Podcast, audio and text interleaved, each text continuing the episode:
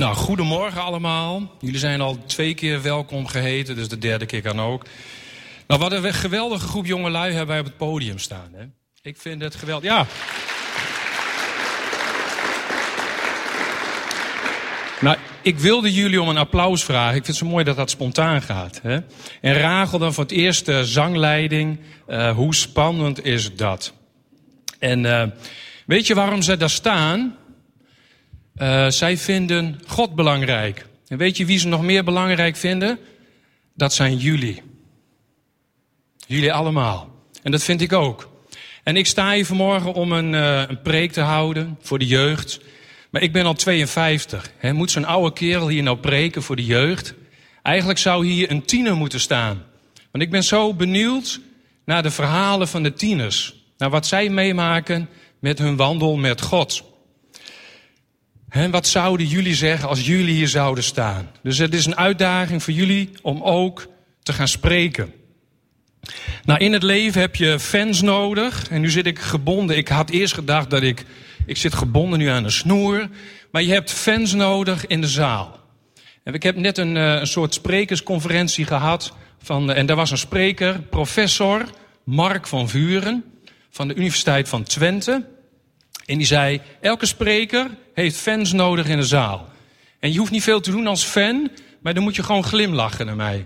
Dus als ik naar die groep kijk, als je wil glim, wie zou mijn fan willen zijn daar? Oh, en in het middenvak? Ook wel een paar. In deze vak? Nou, kijk. Als je af en toe glimlacht naar mij, dat doet iets met een spreker. Want sommige mensen kunnen je zo serieus aankijken. Dan denk je, heb ik zo'n serieus verhaal? Ja, het wordt ook een heel serieus verhaal. Nou, we gaan over God spreken. En weet je, deze Mark van Vuren die legt ook uit. Er zijn uh, twee soorten mensen in het publiek. Je hebt de goudzoekers en je hebt de grensrechters. Twee hele interessante mensen. Jullie lachen al, jullie denken, we voelen hem al aankomen. Nou, ik vind de jeugd, de tieners, vind ik echt uh, goudzoekers. Echt waar. Die zijn altijd op zoek naar dat klompje goud. Die knielen neer bij een rivier en er gaat heel veel water door de rivier. En met die zeef gaan ze heen en weer. En heel lang en veel water erdoor. En één keer roepen ze eruit, hoera, een goudklomp. En dat zijn meestal de jongelui die luisteren naar een preek. Ook online luisteren ze heel veel preken, dat weet ik. En ze houden ook van die aanbiddingsliederen met die mooie teksten. Naar die goudklompjes zijn ze altijd naar op zoek. Dat zijn de jongeren. Maar wij ouderen zijn meestal grensrechters. Ken je een grensrechter van een voetbal. Een grensrechter staat altijd buiten de wedstrijd. En dan staat hij met zijn vlaggetje zo omhoog. Hè? Dat arm, armpje moet strak naar beneden, maar dan gaat die vlag omhoog. Buitenspel. Die let er goed op wat allemaal fout gaat. En, uh, maar weet je, het vervelende van de grensrechter is, ze staan dus buiten de wedstrijd. Als er een doelpunt wordt gemaakt, juichen ze niet mee. Dat zou gek zijn, hè? Dat je één keer van Ajax bent langs de kant, terwijl het buitenspel was. Dat mag je dus niet doen. Grensrechters. Zijn grensrechters belangrijk? Ja, heel goed. Ik zie mensen knikken. Vind ik ook. Um, ik wil tegen de goudzoekers zeggen vanmorgen. Kom je een grensrechter tegen, wees gewoon een beetje lief voor ze. Ze bedoelen het goed. Ze bewaken de boel. En tegen de grensrechters wil ik zeggen, ga eens zoeken naar goud met die jongelui. Ja? Nou, dat is de intro. Goudzoekers. Waar gaan we het vanmorgen over hebben? Nou, hopelijk een onderwerp die jullie niet loslaat de komende week en daarna. En uh, ik heb uh, deze preek al eerder gedaan, 2,5 week geleden, voor een kleine groep mensen. En als ik altijd voor deze groep mensen spreek, is er altijd iemand die in slaap valt, vooraan. Is geen fan. Maar dat geeft niet. Die mevrouw, die ziet ook niks, dus ik snap ook wel dat je dan in slaap valt. Uh, en daarvoor had ik een preek gedaan over Joel 2. Vanmorgen hebben we ook een Joel in ons midden. Maar Joel 2, dat was een hele saaie en ingewikkelde preek.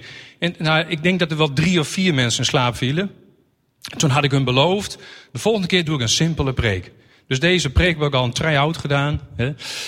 Um, en gelukkig, ze vielen niet in slaap. En trouwens, eh, die preek eh, doe ik dan in Oldenhagen. Het zijn mensen van gemiddeld 80 jaar. Kom met de scootmobiels binnenrijden. Is echt super gezellig. Ze waarderen het ook heel erg als je er spreekt. En wat ik zo mooi vind, ik geef ze altijd een compliment. Zij zijn een kerk waar werkelijk waar alle voorgangers van alle kerken in Ommen komen spreken. Ik zei, jullie zijn zeer bijzonder. Jullie zijn eigenlijk de kerk van de toekomst, hè, terwijl ze al 80 jaar zijn. Maar daar komt werkelijk waar van de Roomse kerk tot aan de evangelische gemeente komt daar alles spreken. En ze zingen uit volle borst. Nou, waarom ben je hier vanmorgen gekomen? Tieners, daarachter in de zaal. Ja, ze letten nu op. Oh ja, let op jongens. Waarom zijn jullie hier gekomen? Moest je mee met je ouders? Je hoeft geen antwoord te geven hoor. Ik... Moesten ze je nog wakker maken? Soms moeten wij er thuis ook. Klop, klop. Hé hey, joh, eruit. Misschien kom je wel uit een christelijk gezin en hoort dat er nou eenmaal gewoon bij. Naar de kerk gaan. Of je dacht tienerdienst. Dat betekent mooie muziek. Maar die tieners kunnen mooie muziek maken. Of ben je gewoon nieuwsgierig? Nou, welke reden ook, God is blij dat jij hier vanmorgen bent. Want God ziet jou. En hij heeft vanmorgen een plan met jou. En de tieners zitten niet alleen daar in de zaal, ik zie ze overal wel zitten. En misschien ben je als ouder ook nog wel steeds een tiener in je hart. Nou, het komende half uur heeft God een groot verhaal voor jou. En niet omdat ik zo'n geweldig verhaal heb, maar omdat God zo groot is. Amen? Amen. En als God aan het werk is, en ik geloof dat Hij hier vanmorgen is, dan gaat er altijd iets veranderen. Want God beweegt. En vanmorgen ben jij op een plek waar God beweegt. En dat is ook mijn gebed. Dat jij hier vanmorgen, tieners hoor je dat? Dat jij hier vanmorgen weggaat met een beter verhaal dan toen jij hier vanmorgen binnenkwam.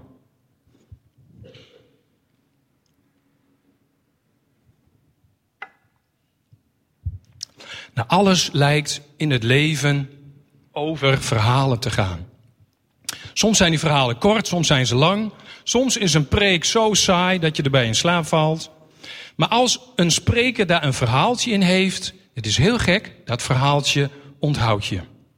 Zo'n verhaal lijkt te plakken aan je ziel. En zo deed Jezus dat ook. Die vertelde alles in gelijkenissen. En straks ga ik een korte gelijkenis vertellen van de Heer Jezus. Dat zijn verhalen waar je vaak nog aan terugdenkt. Want elk mens is op zoek naar een verhaal. En ik geloof dat als je een tiener bent in deze tijd, vroeger had ik dat niet. Ik speelde altijd in het park en in het bos en aan het werk bij een boer. Maar nu zitten ze vast aan hun telefoon. En zelfs nu nog daarachter in de zaal denk ik dat ze allemaal nog een telefoon op schoot hebben liggen. Die gaat nu in de broekzak natuurlijk. Want jullie krijgen een bombardement van verhaaltjes over je heen.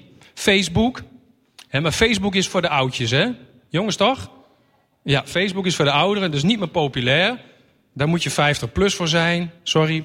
Ze, luisteren, ze kijken naar Instagram, TikTok, Be Real en er is vast nog wel weer wat nieuws. Maar ze worden overdonderd met verhaaltjes van andere mensen. En ze moeten alles lijken, alles zien. Zelfs s'nachts moet dat gebeuren. En ze worden er gewoon in meegezogen. Dus ik zou jullie voorstellen om jullie telefoon maar weg te leggen. Ja, stop hem in je broekzak. Dus, maar ook via die media komt er telkens een leugen naar jullie toe, jongelui. Een leugen. En die leugen klinkt als de waarheid. En ik geloof dat al die TikToks zo ook wel heel nuttig kan zijn hoor. Dat geloof ik wel. En ik heb er ook niks op tegen. Maar ze vertellen een leugen die wel heel lekker klinkt. nu vraag je natuurlijk af, welke leugen bedoelt hij? Misschien weet je dat wel. Maar het is een leugen die streelt onze ego. Rick Warren, een schrijver uit Amerika, schreef in 2002. En toen waren jullie allemaal nog niet geboren. 2002, best wel heel oud. Maar hij schreef een boek, Doelgericht Leven. En voor de oudjes hier onder ons, dat boek hebben wij ook hier behandeld in, uh, in de gemeente, in de groeigroepen. En uh, daar zijn 35 miljoen boeken van verkocht. En de eerste zin in dat boek, daar staat, het gaat niet over jou. En je opent een boek en er staat direct in, het draait niet om jou. En dat is juist de leugen die de media ons doet geloven, want alles draait om jou. En alles draait om die andere persoon, jouw verhaaltje. En dat is de grote leugen. Maar ik kan je zeggen, En misschien ben je daar wel helemaal mee bezig met jouw verhaal. Maar ik wil vanmorgen tegen je zeggen: relax. Relax, man. Maar waarom lezen zoveel mensen dan toch dit boek helemaal uit? Omdat het een grote leugen is als je denkt dat het leven om jou draait. Het leven draait niet om jou. Je wil graag dat jouw leven een mooi verhaal moet zijn, maar dat zie je. Dat zie je op internet. Iedereen van die mooie verhalen. Ziet er allemaal perfect uit. En mooie baan, weet ik veel wat ze allemaal hebben. Geldt ook voor volwassenen hoor. Maar jij, tiener, je hebt een beter verhaal nodig. Wel een goed verhaal natuurlijk. Een verhaal dat jou uitnodigt om daarin deel te nemen. Om samen daarin deel te nemen. Net zoals een verhaal over een bos, een groot woud, is mooier dan een verhaal van een boom alleen. Nou, een goed verhaal moet ook echt zijn, moet waar zijn, moet bloedstollend zijn en fascinerend. Weet je, al die mensen die jij ziet op Facebook en Instagram, eh, die kunnen alles perfect voor elkaar hebben. Alles, een mooie auto. Maar diep in hun botten weten ze dat ze iets missen. Ze weten dat ze niet in het goede verhaal zijn. Nou, wat is dan een bloedstollend en een fascinerend verhaal? Daar heb ik over nagedacht. Wat zou dat zijn? Een verhaal waar ons hart echt sneller van gaat kloppen. Maar wat ik je ga vertellen is een zin van zes woorden. misschien denk je wel, nou dat is simpel. Zijn we daarvoor gekomen? Dat kan. Misschien denk je dat. Maar de meeste mensen hebben niet behoefte aan een diepere waarheid, maar aan een simpele waarheid. Een echte waarheid. Ben je er klaar voor? Ook al mijn fans, ja, ben klaar voor? En ik heb jullie straks nog nodig. We gaan nog iets heel leuks doen, dan hoop ik dat het werkt. Weet je, de zin is de volgende. God is op zoek naar jou.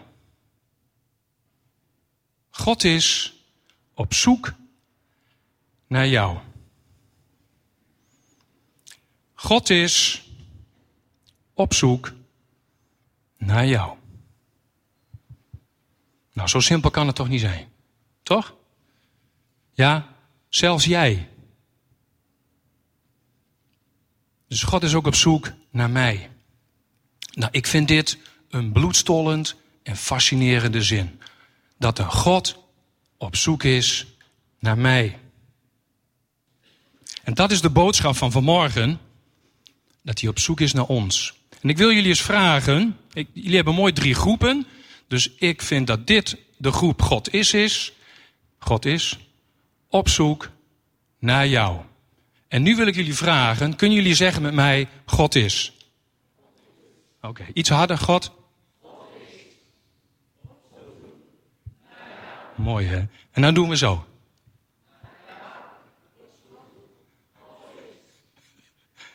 Dat gaat mooi, hè? Nee, we moeten echt deze volgorde hebben. Het begint dus inderdaad bij God is. Nou, ik wil met jullie even uh, lezen uit Matthäus 13, vers 44. Dat is maar één vers.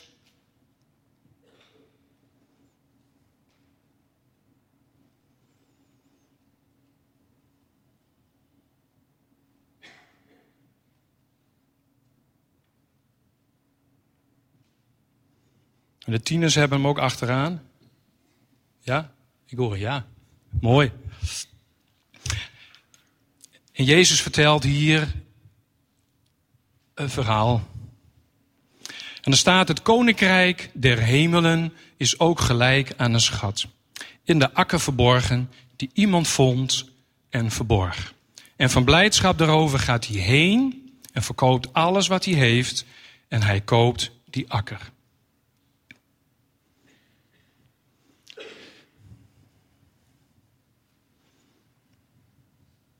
Dus God is op zoek naar jou.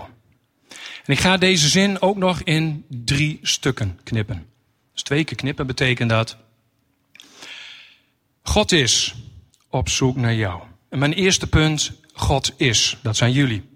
En dat is een punt die jouw hele levensverhaal kan veranderen. Want als God is, dan bestaat hij. God zegt zelf in Jesaja 46 vers 9b, ik ben God en er is niemand zoals ik. Dat wil hij vanmorgen tegen jou zeggen. Ik ben God. En hij zegt ook, ik ben die ik ben, want het is zijn naam. Kun je een goed verhaal starten met God? Is. Lijkt heel eenvoudig. En misschien heb je het nog nooit gehoord terwijl je zit. Dat God is en dat hij bestaat. God. Het eerste woordje zet alles in de spotlight. Spotlights. Want God staat in het midden. En jij doet mee in zijn verhaal. Dus het is niet zo dat wij meedoen in Gods verhaal. Of ja, wij doen mee in Gods verhaal. En God doet niet mee in jouw verhaal. Hij is de regisseur. Want ik geloof dat Gods verhaal het allerbeste is. Nou, nu is het best wel interessant om te ontdekken hoe mensen nou ontdekken dat God is. Nou, we zitten hier een beetje in een donkere ruimte. Maar toen je hierheen kwam, dan kon je zien met je eigen ogen dat de lente begint. We zongen vanmorgen een liedje van Het is altijd lente in de ogen van de tandartsassistenten. En er was nog een liedje. Maar de lente begint. Het is weer begonnen. En de hele schepping bruist. Alles wordt groen, lammetjes worden geboren, veulentjes. Het is naar mij overweldigd dat altijd. En dan kun je dus met je ogen kijken, maar je kunt ook met een telescoop naar de sterren kijken. En elk mens die met een telescoop naar de sterren kijkt, die denkt, wauw, wat is dat bijzonder? Wat is dat bijzonder gemaakt? En dan gaan ze nadenken en dan zeggen ze, dat is wel heel bijzonder. En waarom ben ik hier? En wat is mijn rol hier? Hoe kom ik hier? En waar ga ik straks naartoe? Dat ga je, als je die sterren bekijkt, met een telescoop ga je dat vanzelf bekijken. Of bedenken. Nou, dat is mijn telescoopmomentje. Ik heb ook een microscoopmomentje. En met mijn, uh, in mijn vak moet ik soms in een uh, microscoop kijken.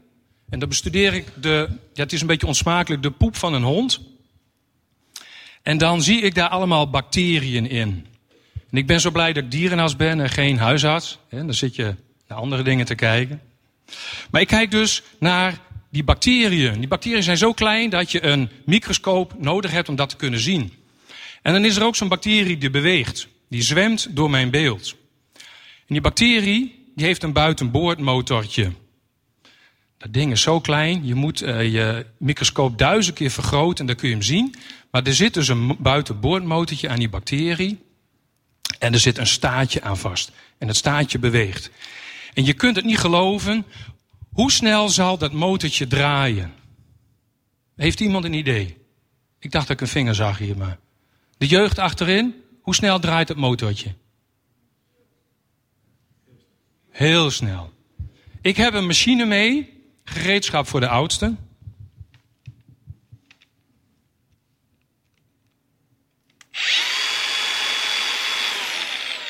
Hoe snel zal deze machine draaien?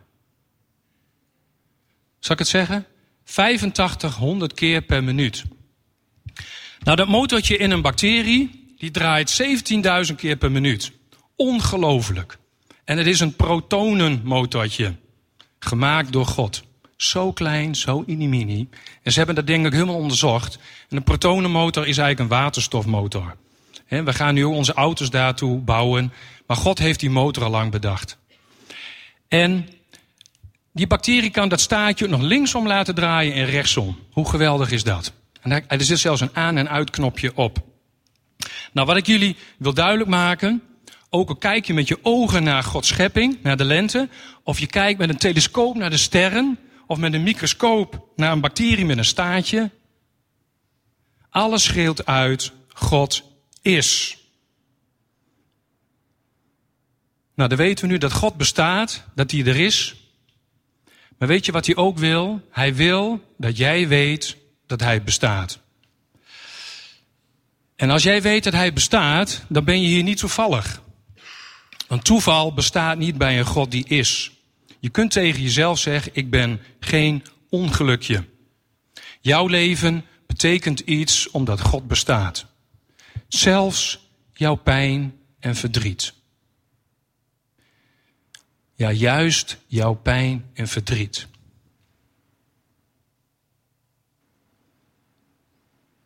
Omdat God van je houdt. En deze moet je horen. Als je nu begrijpt dat God bestaat, dan weet je ook het volgende. Je bent niet alleen. Je bent niet alleen. En als je jong bent, vraag het maar aan al die ouderen hier. Die kunnen dat zeggen. Die hebben zoveel meegemaakt. Mooie vreugdemomenten, maar ook diepe dalen. En zij kunnen je zeggen, je bent niet alleen. Nou, we gaan naar punt 2. God is op zoek. Nou, dat is iets wat ik onbegrijpelijk vind. God die zo groot is, die alles kan, die alles weet, die overal is, zelfs nu hier, dat hij op zoek is. Onbegrijpelijk. Hoe kan een God die alles heeft op zoek zijn?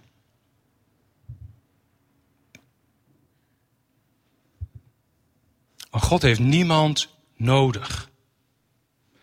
Er zijn heel veel andere geloven, ik ga ze allemaal niet benaam noemen, maar daar moet je altijd enorm je stinkende best doen om daarbij te komen. Weet je, je mag maar hopen, je moet altijd je hand uitsteken naar zo'n God. Je mag maar hopen dat hij zijn hand uitsteekt naar jou. Maar zo is de God van de Bijbel niet. Zo werkt het niet bij de God van de Bijbel. Want hij steekt zijn hand uit naar jou. Maar God spreekt tot jou door de schepping, met de telescoop, met de microscoop. Maar weet je wat het allermooiste is en het allerbeste hoe hij tot ons spreekt? Dat doet hij door de Heer Jezus Christus.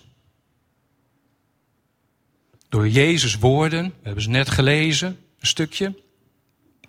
Door zijn heilig leven, maar ook door zijn dood aan het kruis op Golgotha en ook zijn opstanding. Jezus is Gods verklaring over wie God is en wat hij doet.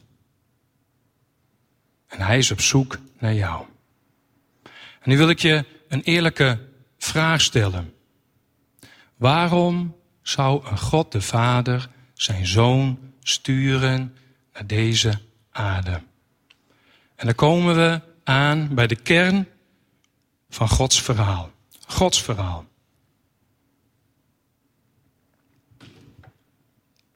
God wil bij jou zijn. Bij jou, bij jou en bij jou. God wil bij jou zijn. Stel, ik heb hier een camera. Dit is mijn camera, ja. En ik richt hem nu op Ramons hoofd. Dat mag vast wel even. En dan op het scherm gaan we zien wat Ramon denkt. Zouden dat willen zien? Of Trevor's hoofd. Wat denkt Trevor? En dan kijken we, oh, dat denkt hij. hij denkt, richt niet die camera op mij. Als je deze camera op Jezus hoofd zou richten, wat zouden we dan lezen? Wat zouden we zien? Dan zien we mensen.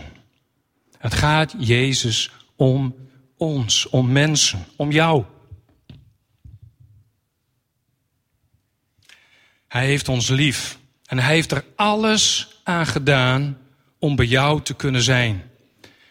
hij heeft er alles aan gedaan om jou te kunnen vergeven, om jou te bevrijden, om jou te genezen en om jou weer in zijn armen te sluiten.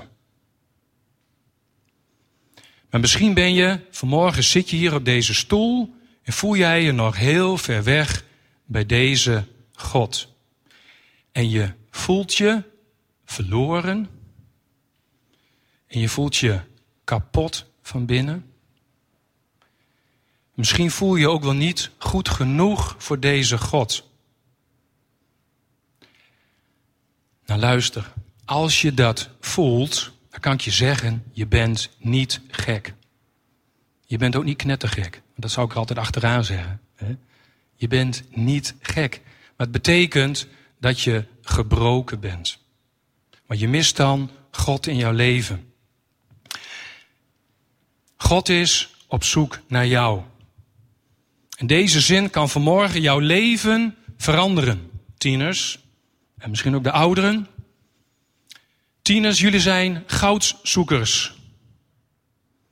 Jullie zoeken naar mooie dingen. En ik kan je zeggen, en ik weet niet of je het gelooft, maar God is nooit uitgezocht. Want God is nog steeds op zoek naar jou. Heel direct, heel precies en ook heel persoonlijk. Want iemand die alle sterren heeft gemaakt en buiten, boordmotortjes op bacteriën zet, die kent jou. Is op zoek naar jou.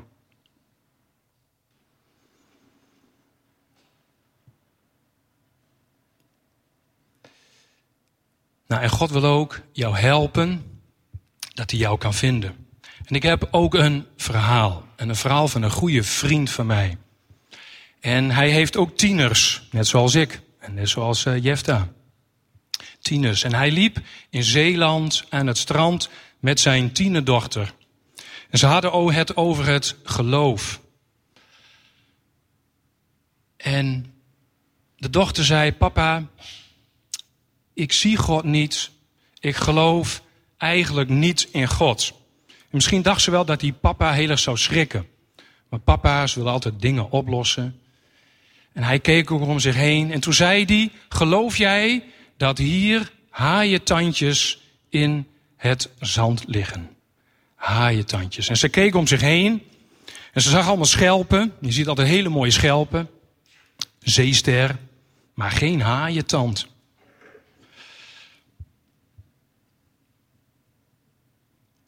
En ze gingen zoeken en zoeken, maar ze vonden het niet. En wat? Ze waren eigenlijk haaientandzoekers geworden. En wat hebben haaientandzoekers nodig? Ze liepen naar mensen toe die geknield lagen bij de kustlijn. En ze vroegen, wat doen jullie hier? En het bleek dus dat dat professional haaientandzoekers waren. Maar die haaientandzoekers die lagen op de knieën. Dat hadden zij nog niet gedaan. En het was heel mooi. Zo'n haaientandzoeker, die deed een klein doosje open, het dekseltje eraf. En die liet zo'n haaientandje zien. En dat is een heel klein zwart tandje. En die vind je niet zomaar, maar wel op de juiste plek. Nou, wat heb je nodig als haaientandzoeker? En nu spreek ik eigenlijk de ouderen aan. Wij zijn als ouderen hier en ook oudsten, maar iedere volwassen iemand is een coach en een mentor. En ik word altijd een beetje emotioneel als uh, muziek gaat spelen, dat weet hij. maar goed, wat hebben jongeren nodig? Die hebben haaientandzoekers, de professionals nodig. Die gaan knielen. En ook die gaan delen. Die hun leven delen. En die meezoeken met de jeugd totdat God hun gevonden heeft. Zo mooi om samen zo gemeente te mogen zijn. Nou ja, en we hebben vanmorgen gehoord, Jefta stapt weg als taakgroepleider bij de jeugd. Maar misschien klopt het nu wel in jouw hart om iets voor die jongeren te gaan doen. Maar ze hebben die haaientandzoekers ook nodig. Nou, we gaan ook bijna afsluiten, maar ik wil teruggaan naar die schat in de akker. Soms kleeft zo'n verhaal van Jezus aan je ziel. Die plakt aan je ziel. En deze ook. En dat gaat dus over iemand die vindt dus een schat verborgen in de akker. Hij vertelde er niemand, maar hij was heel blij, heel blij. Hij ging naar huis, verkocht alles wat hij had.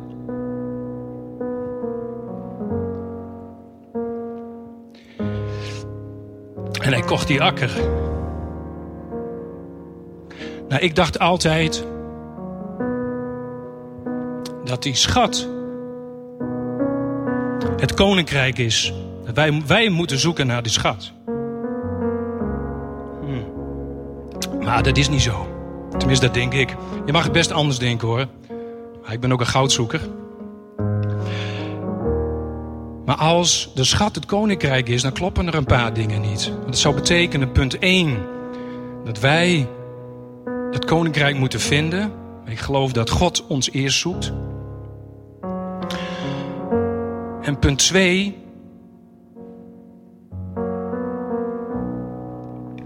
Je kunt Gods koninkrijk niet verstoppen. Je kunt onmogelijk Gods koninkrijk in de grond stoppen. Als je het gevonden hebt, dat lukt je niet. Dan stop je niet in de grond. En punt 3. Het koninkrijk van God is ook niet te koop. Je kunt niet het veld kopen met de schat erin. Het is niet te koop. Gods koninkrijk is gratis. Ook voor jou vanmorgen. Weet je wat ik denk? Het veld, de akker, dat is de wereld. En die man die die akker koopt met de schat, dat is de Heer Jezus. En de schat, dat ben jij. Jij bent die schat. Jezus vindt jou in deze wereld. En deze gelijkenis staat tussen alle andere gelijkenissen. De goede herder, die zoekt een schaapje en vindt hem. Dat is Jezus. De vrouw vindt een muntje. De vader staat op de uitkijk en hij vindt zijn zoon, zijn verloren zoon, terug. Heel mooi. En voor, voor Golgotha, voor Pasen, was deze wereld van de, van de duivel. En de schat ook. Maar die Jezus is gekomen.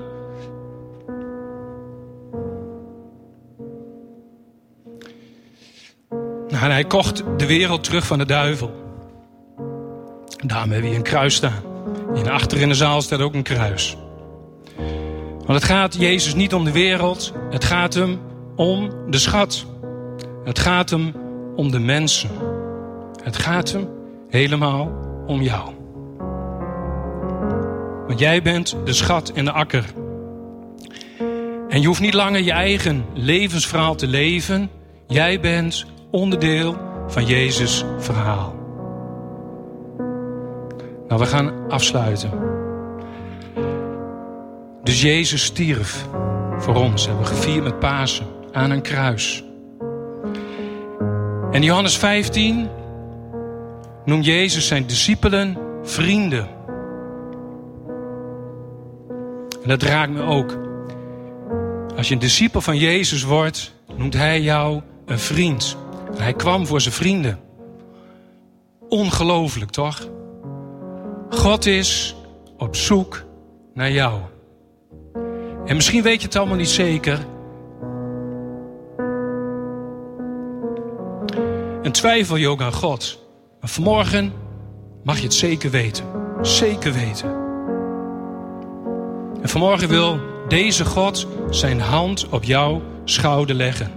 En ik zou heel graag bij jullie allemaal langs willen gaan en even een schouder op je hand, op, sorry, een hand op je schouder wil leggen. En zeggen, God is op zoek naar jou. Hij steekt zijn hand uit naar jou. Weet je, achterin de zaal, er staat een kruis.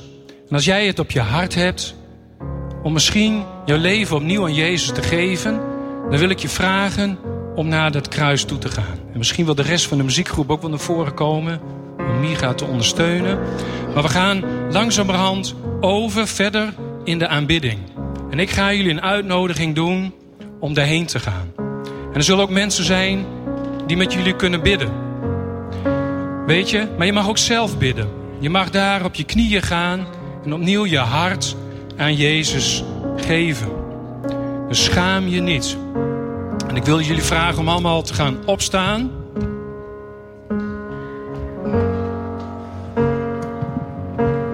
En ben jij die verborgen schat in de akker, dat verloren schaapje, dat muntje onder het vloerkleed, ben je helemaal weggestopt? Ik kan je zeggen, Jezus is op zoek naar jou. Ga alsjeblieft naar Jezus toe, naar dat kruis. En ben jij het ook zo zat om je eigen leven te leiden? Je eigen verhaal of naar andermans verhaal te kijken? Zie je dat je onderdeel bent van een veel groter verhaal. Het verhaal van Jezus Christus. Loop dan maar naar dat kruis. Echt waar. Ga niet naar huis zonder Jezus ontmoet te hebben. Misschien ben je ook wel bij Jezus weggegaan. Hij is nooit bij jou weggegaan. Ga terug. En misschien zit je wel vanmorgen en je gelooft dat God niet bestaat.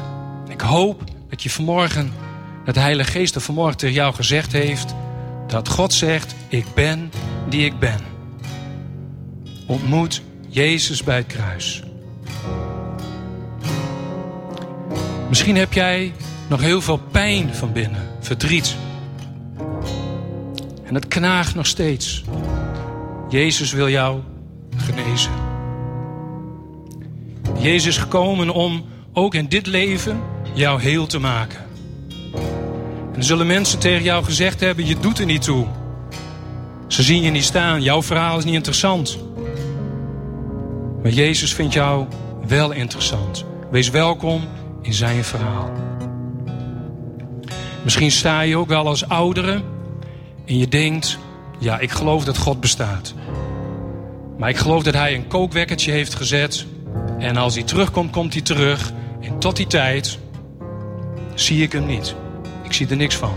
Ik kan je zeggen, God houdt van jou en hij ziet jou staan. Heb je dingen gedaan? Dat is mijn laatste vraag. Heb je dingen gedaan in je leven waar je spijt van hebt? Ga dan straks naar het kruis. We gaan aanbidden.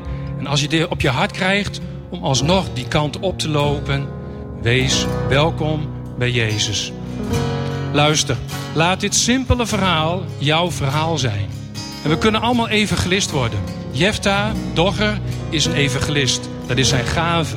Maar we kunnen allemaal evangelist worden. Tegen die oudjes heb ik ook gezegd: als je morgen iemand tegenkomt in de gang, dan zeg je maar: God is op zoek naar jou.